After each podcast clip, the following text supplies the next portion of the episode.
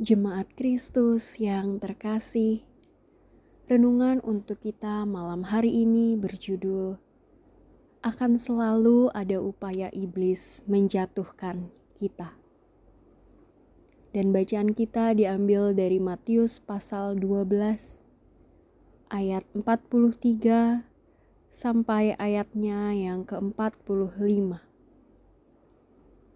Beginilah firman Tuhan. Apabila roh jahat keluar dari manusia, ia pun mengembara ke tempat-tempat yang tandus, mencari perhentian, tetapi ia tidak mendapatnya. Lalu ia berkata, "Aku akan kembali ke rumah yang telah kutinggalkan itu." Maka pergilah ia dan mendapati rumah itu kosong, bersih tersapu, dan rapi teratur. Lalu ia keluar dan mengajak tujuh roh lain yang lebih jahat daripadanya, dan mereka masuk dan berdiam di situ. Maka akhirnya keadaan orang itu lebih buruk daripada keadaannya semula. Demikian juga akan berlaku atas angkatan yang jahat ini. Bentuk godaan dari iblis untuk mengecoh dan menjatuhkan kita begitu beragam. Mulai dengan menggunakan sesuatu yang kita sukai, dengan hal-hal yang kita cintai, atau bahkan dengan sesuatu yang kita benci. Semua itu dapat dipakai oleh iblis untuk membuat kita tidak lagi ingat kepada Allah dan hanya fokus pada diri sendiri. Kristus memberi gambaran tentang bagaimana kuatnya iblis dapat mengecoh kita.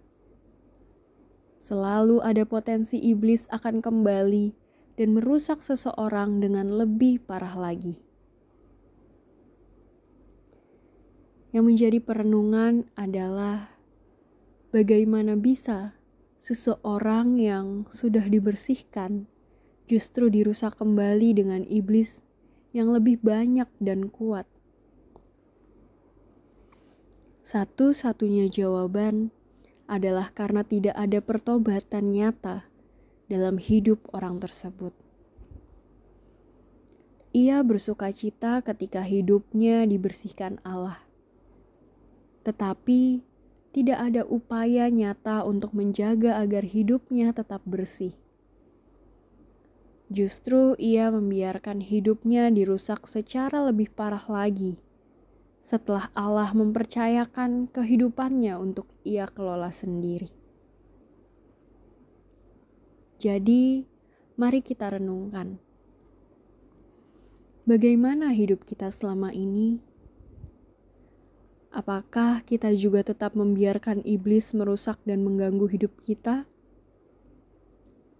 Ataukah kita justru menikmati godaan iblis sehingga kita membiarkan mereka merusak hidup kita? Kristus sudah memberikan kehidupan yang baru.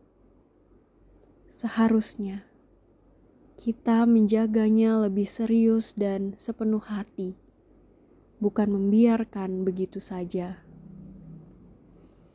Pelihara dengan bertanggung jawab segala sesuatu yang sudah Tuhan anugerahkan kepada kita. Demikianlah renungan malam ini. Semoga damai sejahtera dari Tuhan Yesus Kristus tetap memenuhi hati dan pikiran kita. Amin. Jemaat yang terkasih, mari kita bersatu hati menaikkan pokok-pokok doa yang ada dalam gerakan doa 21 GKI Sarwa Indah. Mari berdoa.